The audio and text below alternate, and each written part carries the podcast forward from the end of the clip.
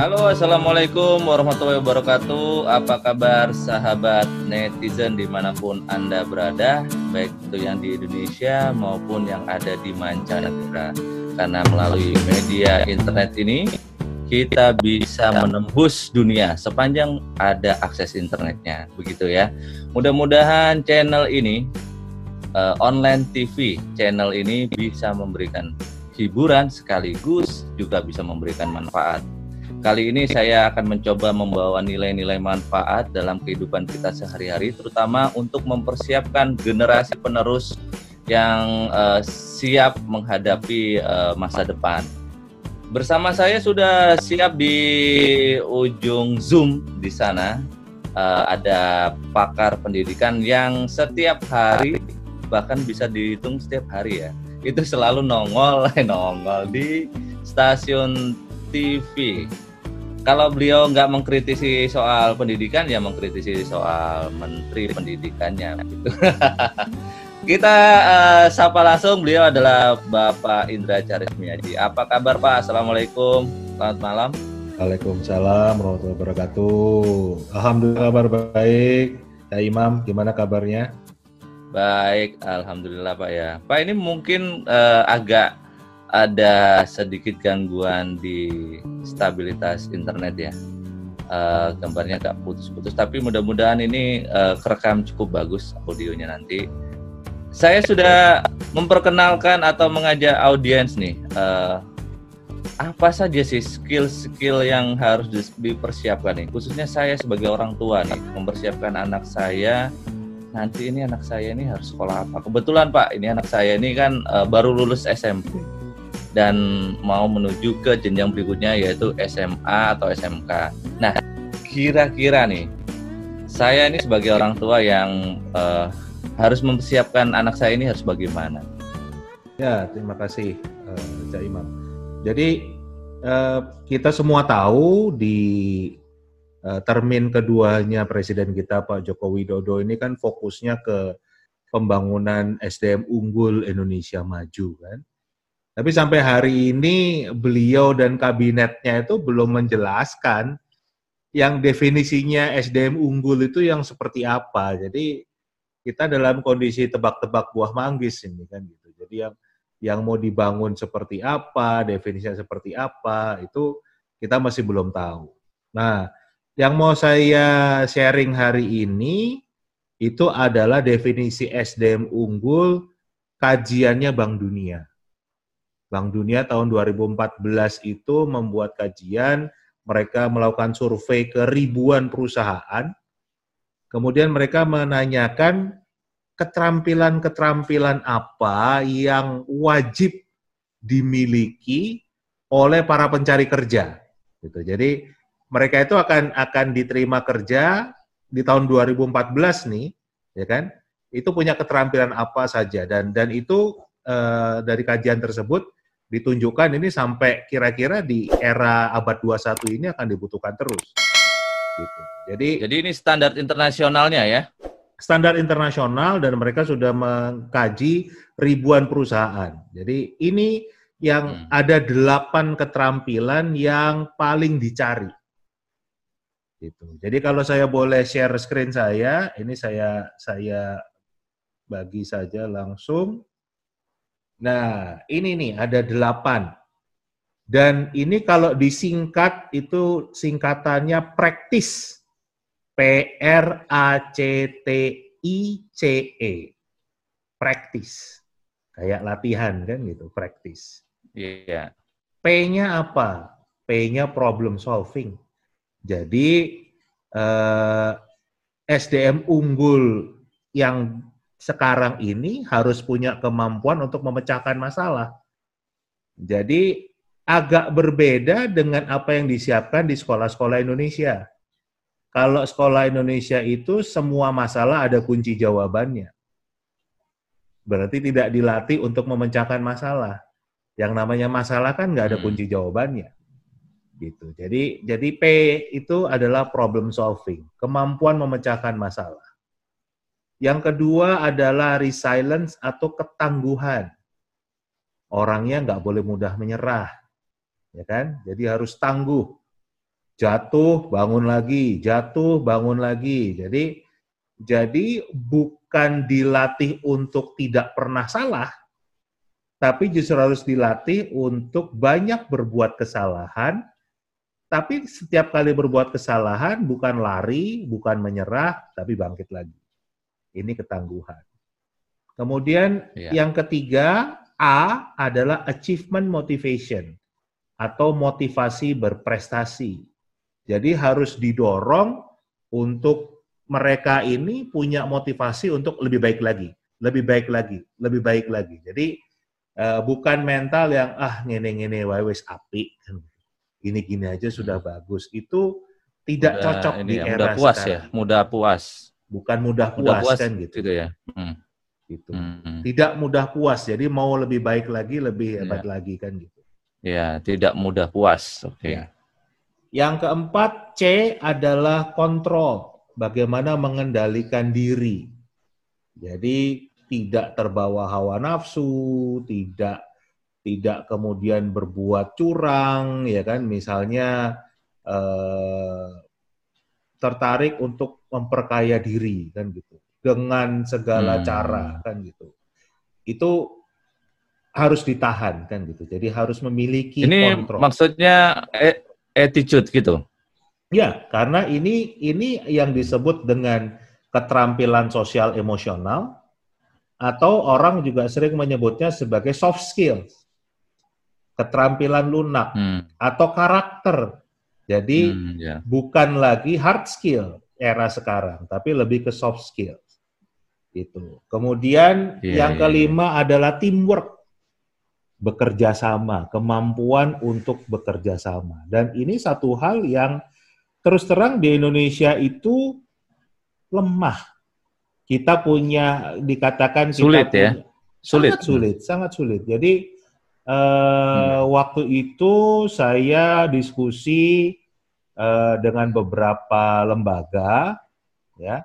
Eh, salah satu yang diundang itu adalah Asosiasi E-commerce Indonesia. Nah, dalam diskusi itu ternyata teman-teman dari e-commerce Indonesia itu mengatakan eh, rata-rata programmer yang bekerja untuk perusahaan-perusahaan digital Indonesia itu bukan anak Indonesia. Tapi kalau nggak anak dari India, adalah dari Tiongkok, dari Cina. Hmm. Jadi kan kaget kita, yeah. ya kan? Saya kaget. Alasannya apa itu? Nah, saya tanya alasannya apa?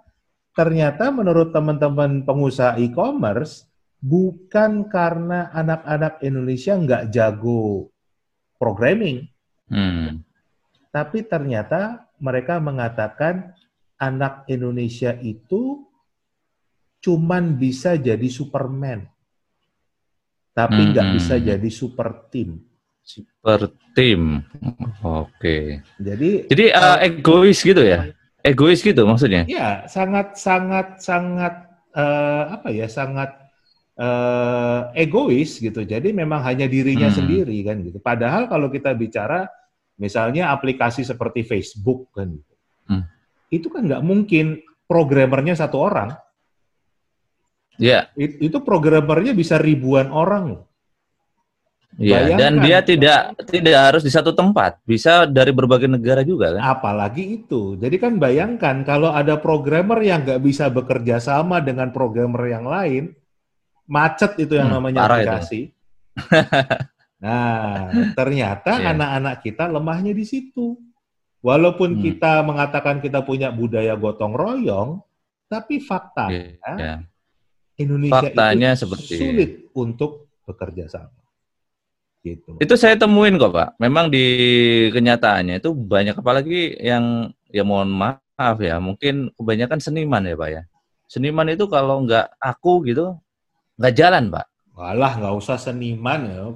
Kita lihat kemarin Bong sama Kampret aja susah bersatu kok. Dan masuk politik nih. Loh, tapi kan peristiwa itu sebetulnya kan sudah dari zaman VOC sudah Isinya Iyi. adalah begitu mudahnya kita diadu domba, ya kan? Dengan DVD at emperanya masih ya, ya. dengan sesama saudara kita sendiri kan gitu. Ya. Itu yang Ini yang, peninggalan Van Mook gitu, Pak. Peninggalan Iya. Van Mook gitu, Pak. ya. Nah, itu yang yang kita kita sempat berhasil mempersatukan itu tahun 1928 kan. Itu sempat Hmm. berhasil sem, apa 1945 kita eh, proklamasi. Tapi selanjutnya kita juga melihat kejadiannya itu semakin banyak bangsa Indonesia yang mati di tangan saudaranya sendiri. Hmm. bukan Karena di tangan bukan di tangan orang lain, bukan di tangan bangsa lain kan gitu. Apa pun Hmm. lah kejadiannya s- Hmm. seperti itu. Iya. Jadi karena perebutan ini, gitu ya. kenapa? Teamworknya kurang. Ya. Ya kesadaran Karena untuk perebutan gitu ya. ya kesadaran untuk Bekerja pentingnya sama. bekerja sama itu belum dimiliki. Jadi masih teori doang karena dari SD diajarin eh, lidi karo satu Hmm. bisa dipatahkan, tapi kalau dijadikan sapu lidi kuat. Tapi cuma teori. Prakteknya tadi begitu Ya. cebong sama kampret udah udah udah langsung Oke. cerai lah, ada yang cerai, ada yang nggak saudaraan lagi, Hmm. ada yang nggak temenan lagi kan. Iya, padahal itu di ranah terkecil keluarga ya. Betul, betul. Dan Hmm, Dan apa oke. ini PR besar buat kita untuk bagaimana mengembangkan yang namanya teamwork.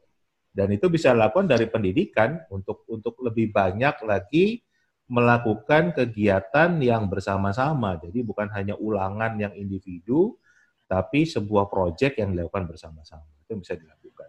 Oke. Jadi itu T ya. Lan- Sekarang lanjut T. ke Lanjut, kita lanjut. Keenam adalah I itu inisiatif. Bagaimana mereka punya inisiatif untuk melakukan perubahan. Jadi bukan tipikal orang yang disuruh. Hanya bergerak kalau diperintah. Tapi harus orang-orang yang punya inisiatif. Gitu. Kemudian ke yang ketujuh adalah confidence, kepercayaan diri. Orangnya harus punya kepercayaan diri. Nggak boleh minder, nggak boleh baper kan gitu. Tapi harus percaya diri. Kan gitu. Dan yang terakhir Banyak bapernya ya. Banyak Ini bapernya kan. Nah, itu kita banyak bapernya kan. gitu. Yang terakhir adalah etika. Jadi ini ini Etika. ini delapan delapan ciri khas SDM unggul. Mereka yang punya delapan praktis ini adalah yang akan dicari oleh semua perusahaan seluruh dunia. Gitu. Dan Hmm. kalau kita melihat di kanan, ini bahkan kajian dari Bank Dunia menjelaskan kapan waktu optimalnya keterampilan keterampilan ini harus Mhm. dikembangkan. Jadi kita lihat problem solving itu bisa dikenalkan jadi tingkat dasar yang hijau D itu dasar Hmm. itu dari usia dini. Ya. Jadi dari kecil itu bisa di- dikenalkan bagaimana untuk memecahkan masalah. Jadi jangan malah apa eh, semua masalah itu disahkan oleh orang tua, jangan. Tapi justru malah ajarkan anak-anak ini memecahkan masalah sendiri. Kemudian usia SD sampai SMA itu optimalnya untuk problem solving. Sedangkan sudah kuliah sampai 29 tahun itu untuk penguatan. Ya kan? Kemudian untuk ketangguhan dari lahir sudah bisa dilatih untuk tangguh anak ini. Ya kan? Sampai SD.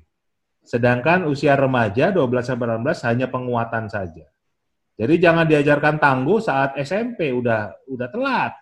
Gitu. Itu saatnya penguatan. Tapi justru malah dari usia dini diajarkan untuk ayo kalau Udah, nggak- udah dioptimalisasi ya. nangis. Kenapa? Iya, iya.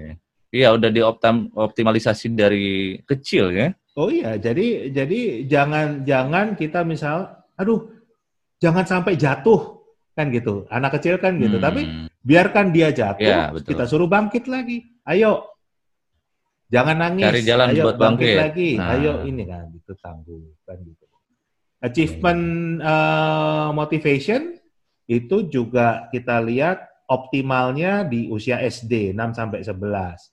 Usia remaja penguatan saja. Kontrol mulai dari usia dini sampai remaja itu optimal. Kemudian untuk penguatannya di usia dewasa. Teamwork dari lahir sampai SD itu waktu optimalnya.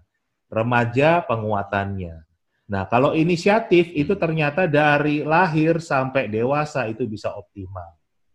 Percaya diri dan etika sama-sama di usia Hmm. dini itu bisa kita kenalkan dasarnya. Optimalnya itu sama-sama di tingkat SD dan remaja, tapi confidence bisa dikuatkan di tingkat dewasa.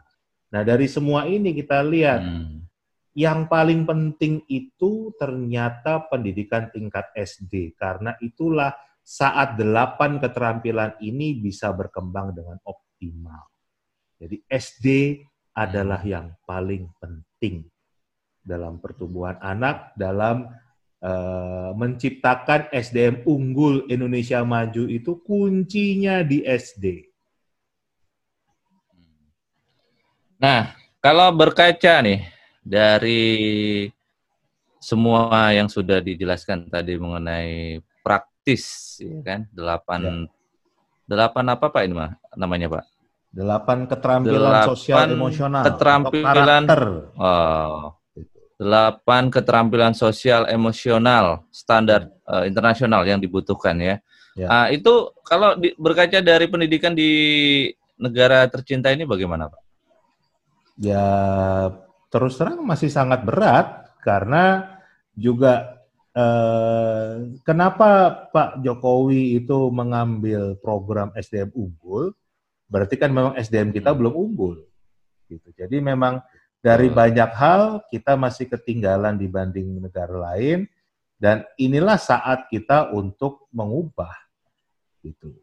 Supaya kita memang benar-benar bisa bersaing dengan bangsa mana pun kita kita nggak boleh kalah dengan siapa pun gitu. Jadi jadi kita saat ini belum untuk itulah saatnya kita memperbaiki. Jadi problemnya di mana pak? Kalau bicara problem besar sekali, tapi yang jelas pendidikan itu salah satu problem besar kita. Pendidikan Hmm. kita ini dari berbagai kajian internasional menunjukkan sudah 20 tahun itu stagnan.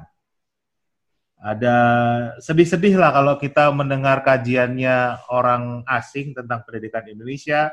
Ada yang mengatakan anak Indonesia siap menghadapi abad 21 di abad 31. Ada yang mengatakan anak Indonesia tidak sadar betapa bodohnya mereka. Ya, ada yang mengatakan 42% anak Indonesia nggak ada manfaatnya sama sekali. Nah, itu ngeri-ngeri. Tapi Iya iya iya. daripada kita minder tadi baperan, ya kan? Lebih baik kita benahi Hmm. bersama-sama dari semua pihak. Orang tua supaya Ya. tahu, oh ternyata sekarang bukan penting itu nilainya. Nah kalau sekarang kan orang tua masih mementingkan, wah anak saya saya ikutin bimbel dari mulai pulang sekolah sampai malam supaya nilainya Hmm. bagus. Gak ada manfaatnya sekarang. Mengejar angka, mengejar Mengejar angka-angka ya. Nggak ada Value-nya bahkan bisa kelewatan malahnya. Ya, justru justru itulah anak-anak Indonesia hanya jago untuk mengerjakan tes Hmm. gitu. Tapi suruh memecahkan masalah nggak bisa, suruh punya inisiatif nggak bisa, nggak pede, Hmm. nggak bisa bekerja sama. Nah, Hmm. itu yang yang sulit kan. Sedangkan kebutuhan dunia SDM unggul ini yang delapan ini. Jadi ya harus revolusi besar-besaran dunia pendidikan kita. Hmm. Ya ya ya ya. Ini solusinya gimana Pak kalau dari Pak Indra ini? Kalau menurut saya sih memang yang pertama kita harus paham dulu bagaimana eh, mungkin kita harus bikin waktu khusus nih.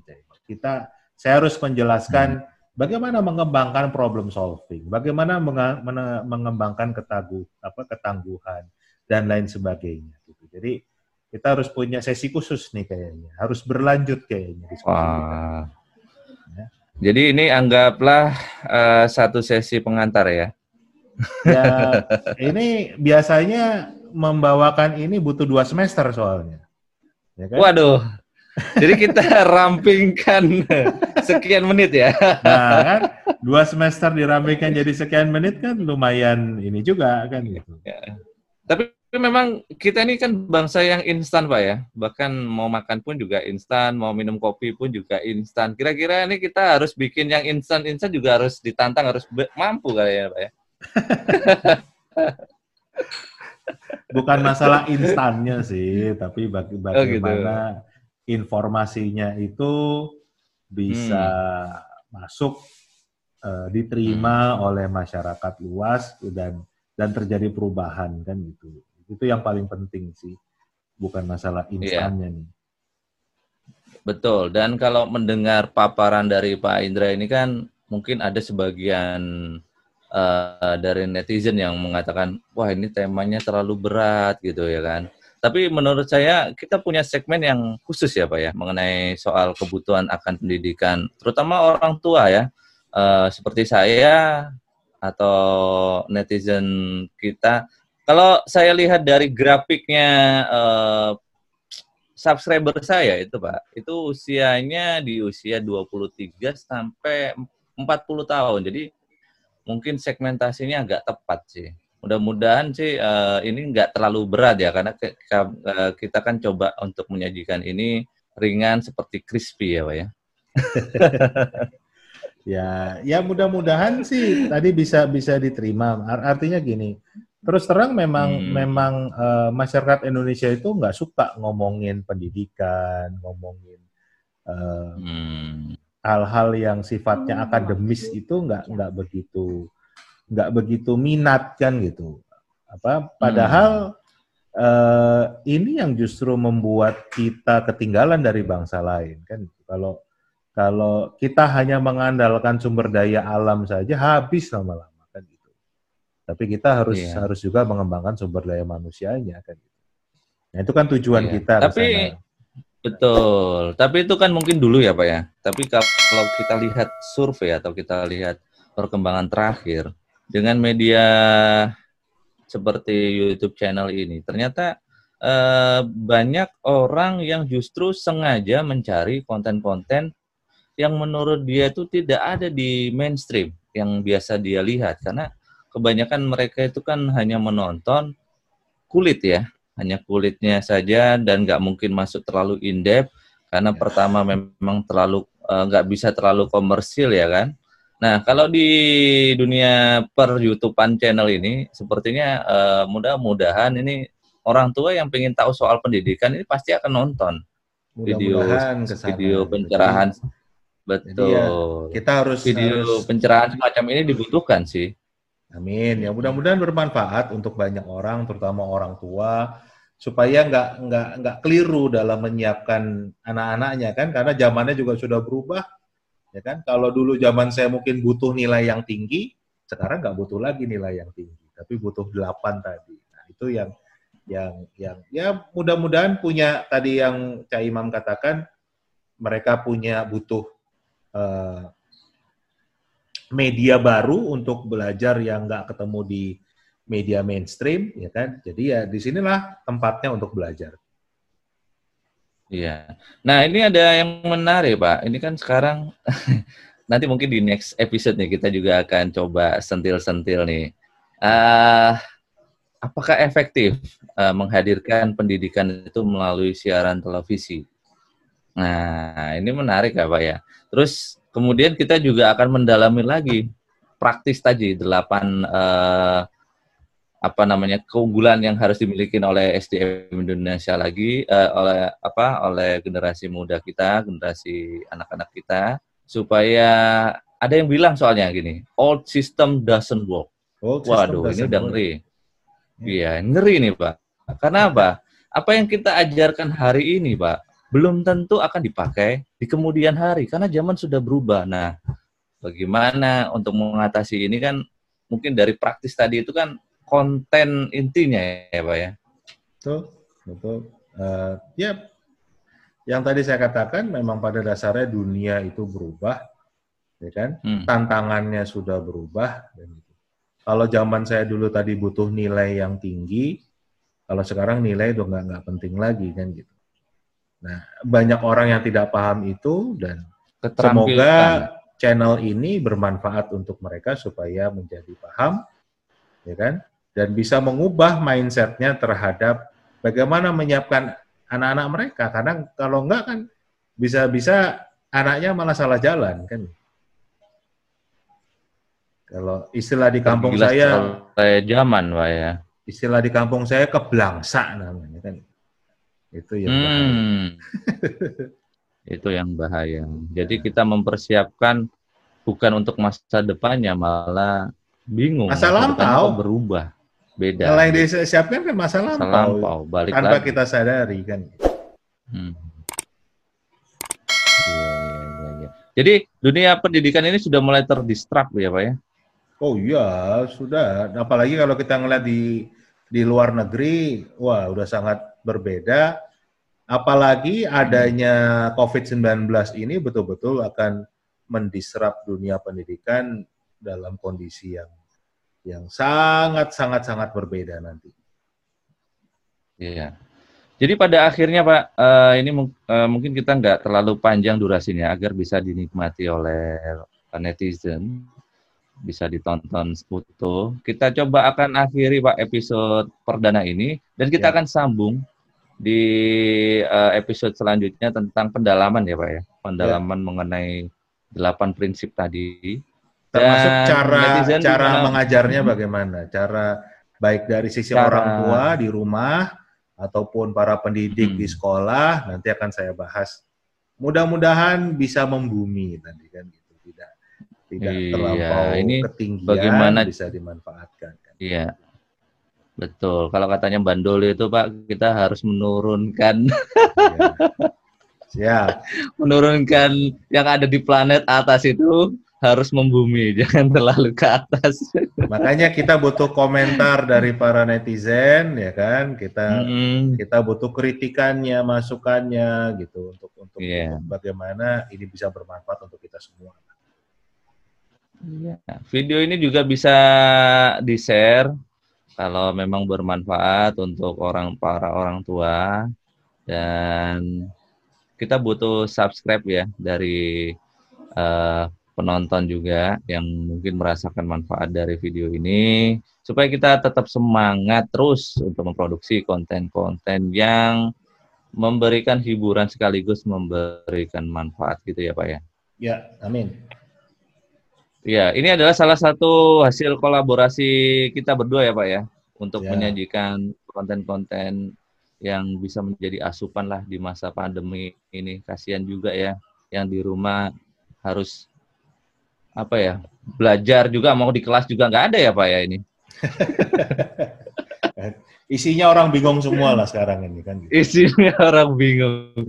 Daripada kita berbingung-bingung ria, mendingan kita menambah wawasan dengan nonton channel-channel yang bermanfaat. Baik Pak Indra, sebelum mengakhiri video ini nih, apa yang ingin disampaikan? Nanti kita akan sambung lagi di episode selanjutnya.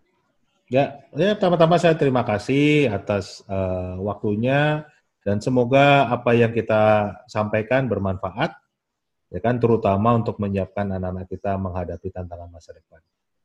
Gitu. Selamat menyaksikan dan silakan mengikuti konten-konten kami berikutnya yang mudah-mudahan semakin bermanfaat. Terima kasih. Siap, terima kasih. Baiklah, eh, netizen di mana pun Anda berada yang sudah menyaksikan channel YouTube Online TV ini, ini masuk dalam playlist interview. Sebenarnya saya ingin membuat eh, konten bernama Talk with Expert, cuman agak terlalu panjang playlistnya. Jadi saya udah terlanjur bikin eh, playlist namanya interview. Jadi ini saya masukkan dalam playlist interview. Jadi Anda bisa cari di beberapa wawancara saya juga dengan tokoh-tokoh yang ada di negeri ini yang mungkin juga bermanfaat untuk Anda simak. Baik, terima kasih Pak Indra Carismiaji untuk episode perdana ini. Mudah-mudahan kita bisa berlanjut dengan episode episode pencerahan, terutama untuk dunia pendidikan karena memang sesuai dengan expertnya Pak Indra. Amin. Sukses selalu. Ya, terima kasih Pak Indra. Sama-sama. Eh, sukses juga untuk Pak Indra. Mudah-mudahan kita semuanya dijauhkan dari musibah dan diberikan rezeki yang melimpah dan terutama juga pemirsa kita mudah-mudahan juga diberikan jalan keluar kalau memang dalam kesulitan gitu ya. Baik, assalamualaikum warahmatullahi wabarakatuh. Selamat malam Pak Itu. Waalaikumsalam warahmatullahi wabarakatuh.